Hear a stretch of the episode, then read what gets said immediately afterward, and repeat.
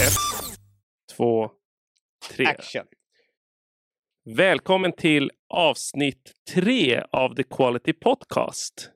Extra bra energi idag. Vi har eh, haft ganska mycket eh, snack i mikrofonen backstage. Eh, vi kommer nog releasa någon gång vad vi pratade om. Jag tycker så här, när vi når målet så tycker jag att vi kan releasa klippet kanske. Men det är bättre att lägga upp det först. Då har vi någonting, då har vi committat. Nej, alltså, om vi glömmer det bara så kan vi bara glömma det. Bara Gå till arkivet.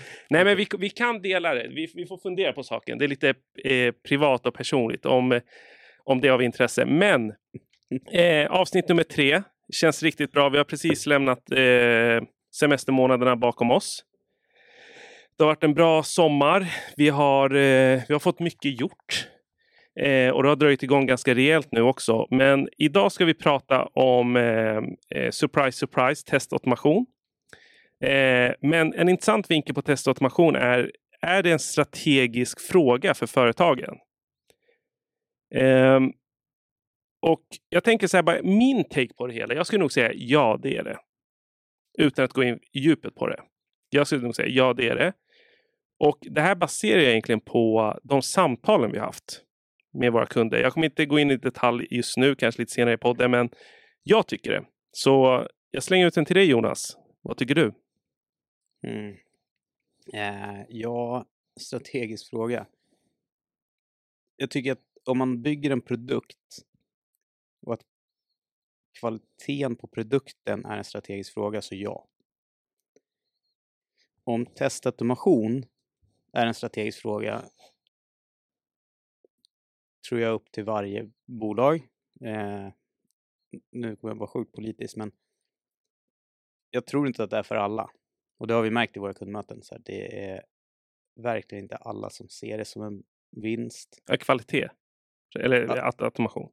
Ja, automation. Automation. Kvalitet tror jag alla kan vara övertygande om. Eh, att ha dålig kvalitet på sin produkt, är, då, då är man nog inte långvarig. Liksom. Mm, mm. Eh, men jag tror att om man... Alltså att bygga, att bygga automation är liksom så här, många säger när vi är i, i möten att nej, det är inte viktigt. Men jag tror att det kommer ge sig ganska snabbt. Mm. Eh, om man tar liksom, bara för att ta lite siffror och vara lite blå, så eh, har vi, tittar man på de bolagen som har lyckats bäst idag, nu tar nu tar jag några så här fantas, fantastiska siffror, men som är liksom lite best in breed, så eh, jag tror att det var 2019 som Amazon eh, eh, gav ut siffror på att de gjorde 100, 105 000 releaser om dagen eller någonting sånt där. Mm. Och det går ju inte att göra utan automation. Man måste väl ändå säga att Amazon är ett rätt eh, stort och framgångsrikt bolag. Någorlunda.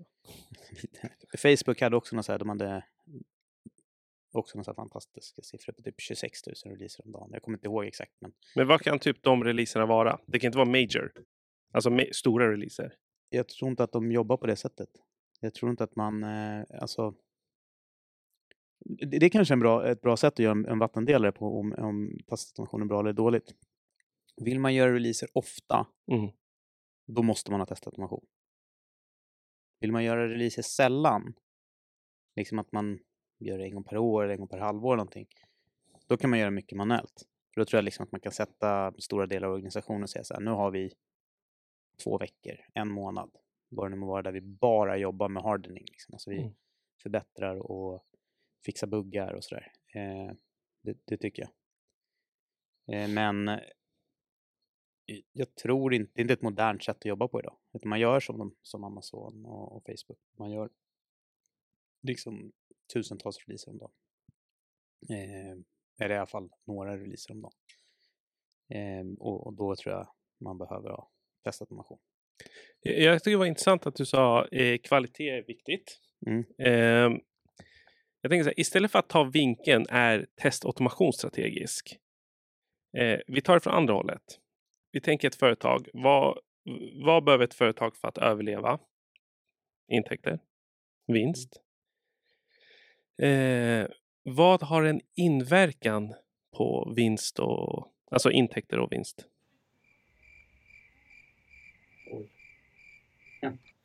Det är lite organisationsteori här. Eh, Ja, och nu är jag ute på djupt vatten, men eh,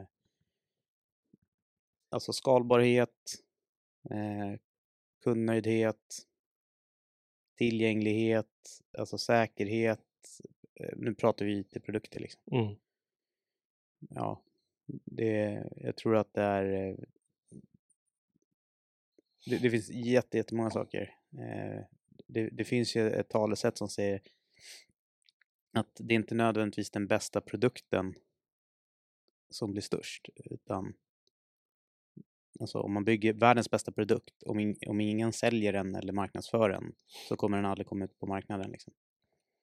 Eh, och det, det tror jag stämmer, så att jag tror att det, det där är en sjukt bred fråga. Det, jag tror det finns ganska många så här MBAs och ut, utbildningar på, på väldigt, eh, väldigt imponerande universitet. Eh, Nej, men anledningen till att jag ställer den frågan, för jag, jag minns när jag gjorde min, eh, eh, en, eh, en uppsats på eh, universitetet.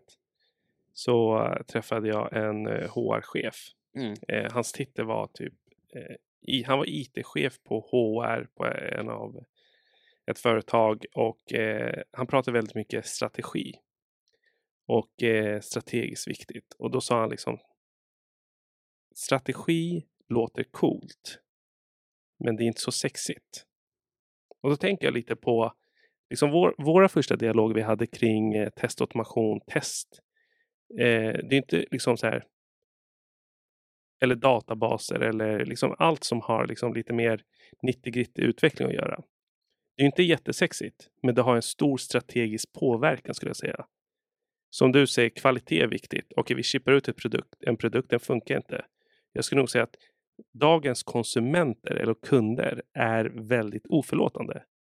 Släpper du någonting och det inte funkar, då har det, då har du ett dåligt rykte. Sker det någonting, eh, ta Swedbank, penningtvätthärvan. Nu är inte, har det kanske inte med kvalitet att göra utan mer Eh, eh, liksom hur, hur bra man är på att fånga dåliga transaktioner. Men jag tänker, där blev det ju lite, där fick ju Swedbank en otroligt liksom, smäll när det kom till förtroende. Och den har de ju jobbat, det här hände 2018, det är fortfarande kvar. Om vi ska, jag försöker göra någon testtwist på det här, liksom, att det är så här, eh, att validera och kvalitetssäkra sin, eh, sin affär. Det, tror- det tror jag definitivt är strategiskt. Och det tror jag man måste jobba med hela tiden. Och du brukar säga det liksom att, eh, att liksom man får en chans. Och den chansen, levererar man inte på den, då, då tappar man förtroende. Men jag, jag, jag skulle säga att eh, fan, det, här blir så, det blir så stort att försöka prata om. Men här, ja, det kan vara strategiskt. Men det är som allting. Alltså, jag tror det inte är strategiskt out of the box. Jag tror Mm. att man måste liksom göra det strategiskt. Få det att bli en, en produkt, liksom någonting internt som många nammar, som många ser värde i. För att ta ett exempel så, här, så har vi några bolag som jobbar med där det uppenbart har varit eh, liksom produktägarna som, som, de som äger sin produkt, sin del. De tycker att det är sjukt viktigt för då förstår de liksom att om vi gör det här då kan vi få ut mer output och så levererar vi bättre liksom och kan skapa mer värde för våra kunder och användare.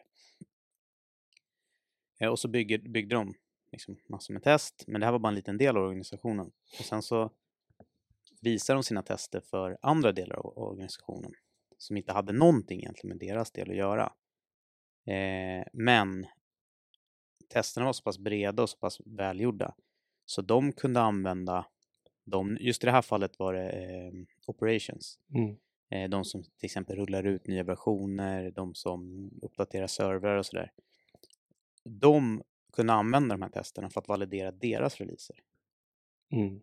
Då, då har ju, då har ju liksom det verkligen blivit, då har liksom den här lilla gruppen som valde att göra det här bliv, gjort den strategisk. Mm. Eh, klar, klarsynt och insiktsfullt tycker jag att de gjorde så. Men eh, Och då blir det blir ju, då blev det automatiskt en, en strategisk grej. Då, när de insåg att de kunde sprida kunskap, kvalitet i flera delar. Exakt. Jag tror, om vi går tillbaka, jag sa ju ganska kaxigt där i början av vår podcast, ja, det är en strategisk eh, viktig, eh, liksom automation överlag tror jag är extremt viktigt. Mm. Eh, sen tror jag att liksom just testautomation är det liksom en del av det. Sen finns det 3000 andra automationer som man kan genomföra för ett företag. Men varför jag tror det är viktigt, det är vi lever i en extremt global värld. Det finns alltid något, någon annan person, något annat företag i en annan del av världen som kan jobba snabbare än dig, billigare resurser, det vill säga leverera mycket snabbare. Um, och jag tror att om inte företag fokuserar på sin core business, Mm. jag tror det är där de, liksom, när, när vi pratar med lite äldre bolag, större företag, vi snackar liksom, ja med äldre bolag, 1000, 2000, 3000, 10 000 anställda uppåt. Tyvärr har man hamnat i ett läge där man, där stor av verksamheten inte är core business. Mm. Jag tror att det är jättemycket overheadkostnader som man drar med sig hela tiden. Och jag tror att man istället för att jobba med det som inte är core business så sitter man och gör saker som inte egentligen faktiskt genererar värde direkt. Mm. Ja men så här. Att sitta manuellt och testa. Det kanske är en person som gör det. Jag vet inte hur, liksom hur mycket en sån resurs kostar. Man har, man har en person som gör det vecka in och vecka ut. Man identifierar ett fel. Sen ska det kommuniceras. Hur kommuniceras det?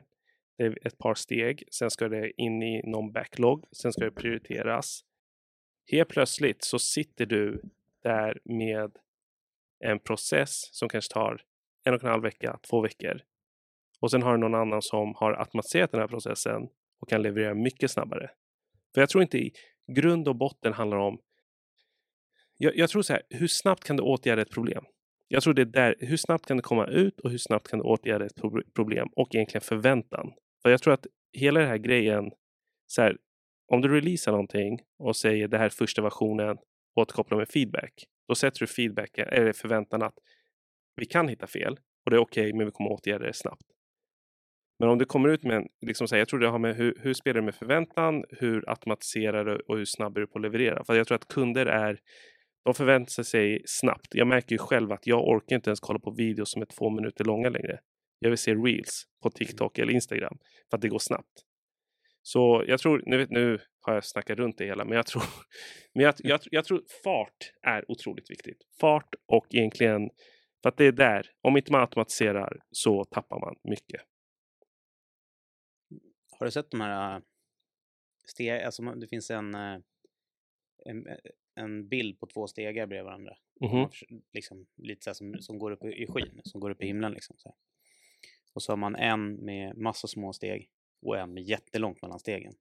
Liksom här, och där det står en gubbe och försöker sträcka sig efter första trappsteget. Mm, mm. Medan den andra är liksom halvvägs uppe på Exakt. de här små trappstegen. Eh, det är liksom...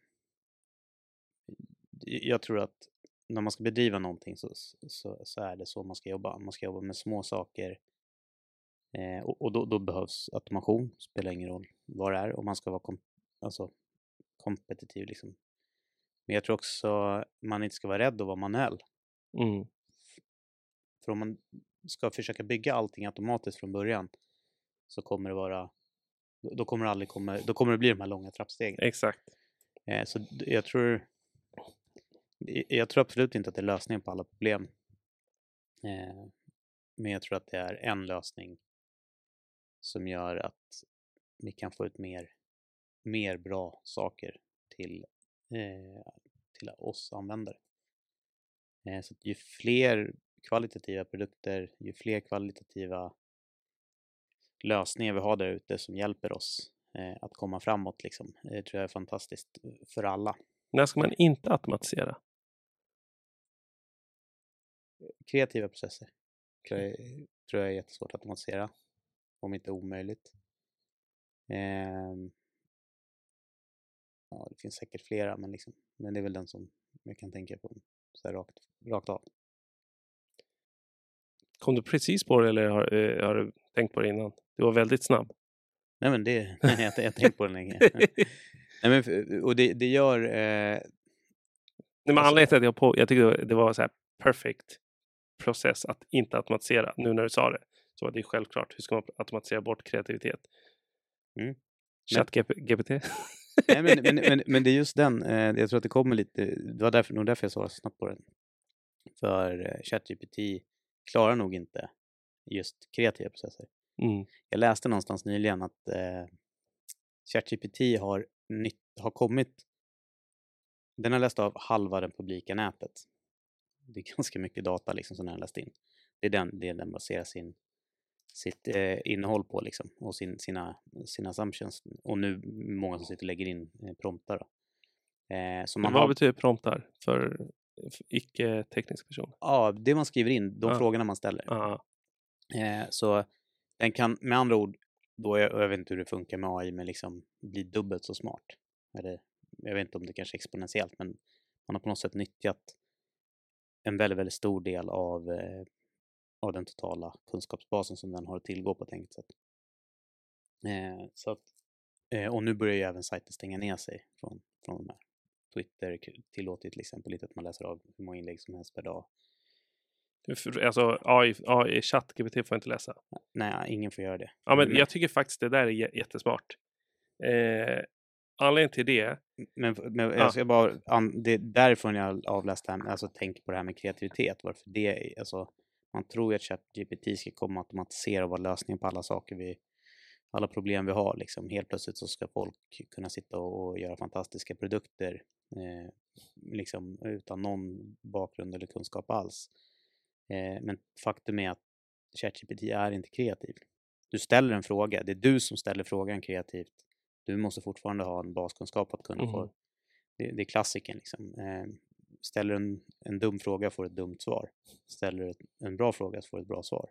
mm, mm, Eh, kan du inte ställa frågan, ja, då, då, då är det kört.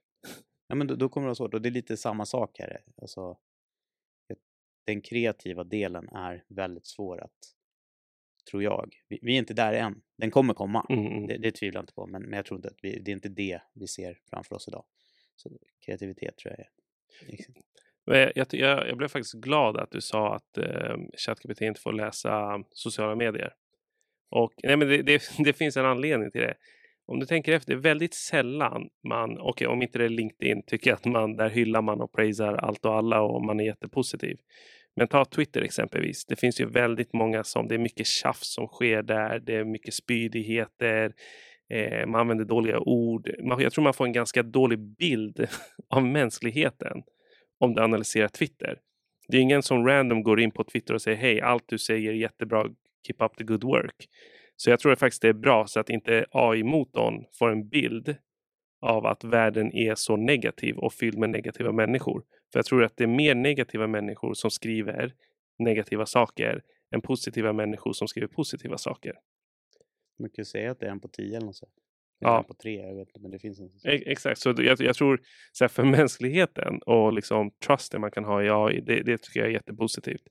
Sen så tror jag, nu hamnar vi lite på AI-diskussioner, men jag tycker det är så, eh, jag, jag brukar faktiskt inte prata om det för det, det är så trendigt, så jag brukar hålla mig borta från trender tills det har satt sig lite. Men jag tror nu när du sa, hur mycket hade ChatGPT läst av hela internet sa du? 50 procent. Men jag tyckte, vänta, vi måste backa här. Så du menar alltså att du är en late adopter? Nej, jag bara, bara nej, nej, nej. Men, men saken är så här, nej, så här tänker jag, ingen late adopter, eh, men däremot, liksom så här, jag tror inte våra lyssnare orkar höra ytterligare en podd om AI.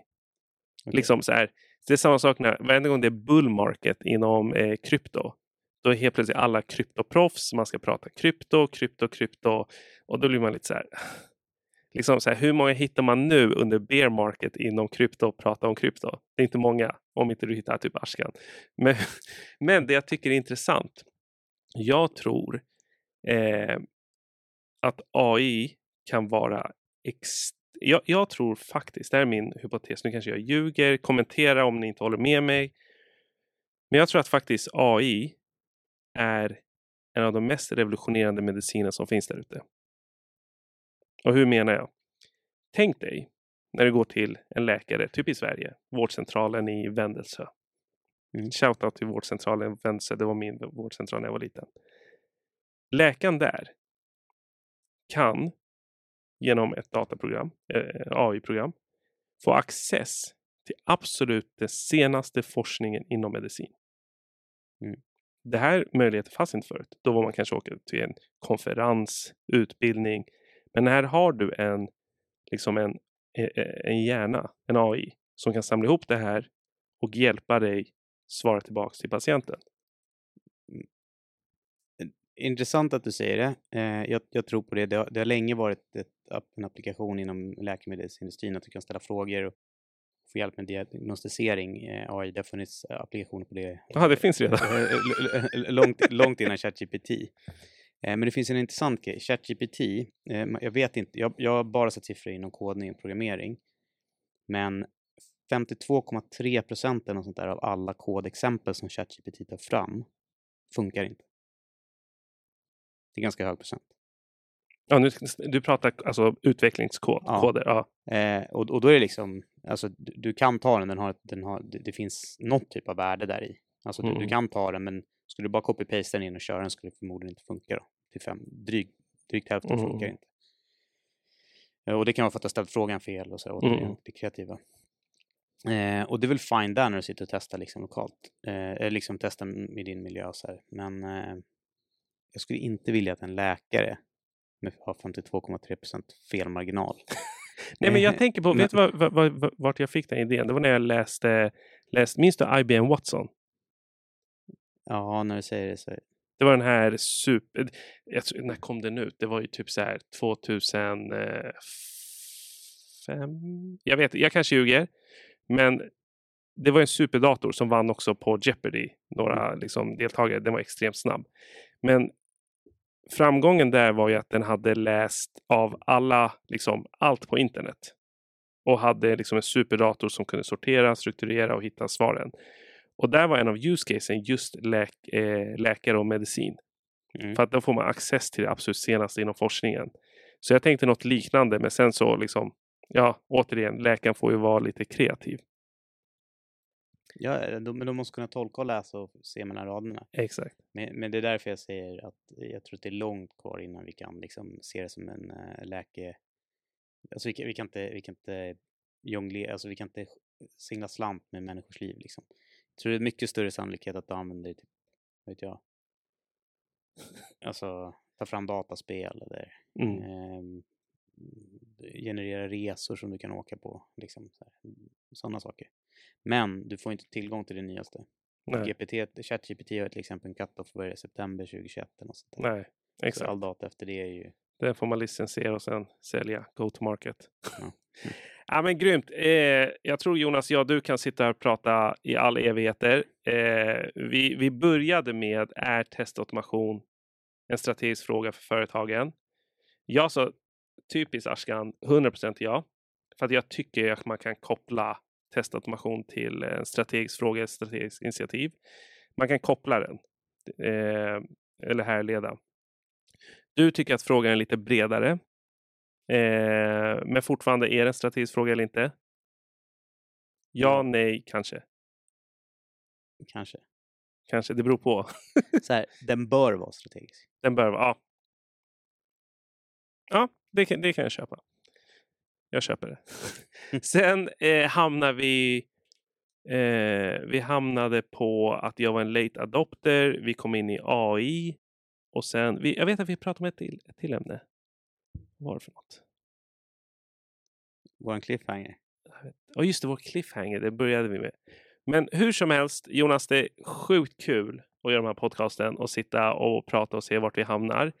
Ehm, jag hoppas ni tycker att det är lika kul. Eh, gör ni det, likea, följ oss så eh, kommer vi ut med nya avsnitt en gång i månaden tills eh, ja, till, eh, vet, det, tills vidare. Grymt! Ta hand om er så hörs vi. Ha det bra. Hej hej! Vi rekordar när vi committar att vi ska gå ner i vikt. För att som ni kan se, i alla fall jag, jag vill inte liksom trycka någonting på, ner på det Jonas, men jag känner att jag är alldeles för fet. Är du bekväm med att dela vilken siffra du har? Ja, ja, ja. Okej. Hur lång är du och hur mycket väger du? Jag är 1,69 och en halv i passet. Den kommer att krympa tills du är 50. exakt, exakt. Då blir det 1,69. Och sen eh, 87 väger jag. 1,69,5, 87. Mm. Jonas.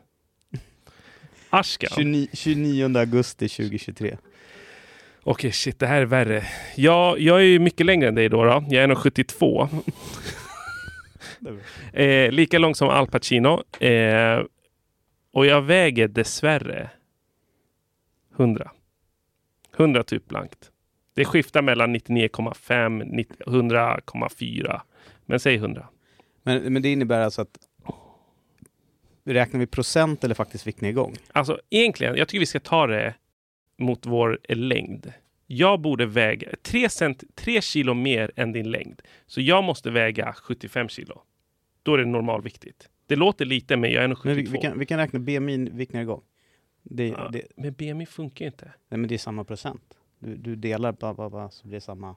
Okej. Men Okej. i- ja, för att jag har mycket muskler som ni kan se. Nej, vet du vad? Nej, vet du vad? Vi säger målvikt. Min målvikt är faktiskt 80. Då är jag nöjd. Uh. Okej, hur lång tid har vi på oss? Eh, vi har nio avsnitt kvar, inklusive den här. Nej, vi har tio avsnitt klar, kvar. Det här plus nio till. Det är tio månader. Om inte vi klarar på tio månader, då kan vi slänga oss i väggen. Jag vill bara säga så här, Ashkan har precis fått ett barn. Jag jag bara... Nej, i mitt fall, det är två kilo i månaden. Kom igen. Ja, men- 0,5 i veckan. Jag vill bara åter och revisit det här, det här samtalet om eh, tio månader. Men, men det är bra, jag, jag har målsättning på eh, 70, 70 från 86. 87. 87. Ja, men då är det 17 kilo min är 20 kilo. Det är procentuellt typ samma. Ja. Okej, men då har vi det på record.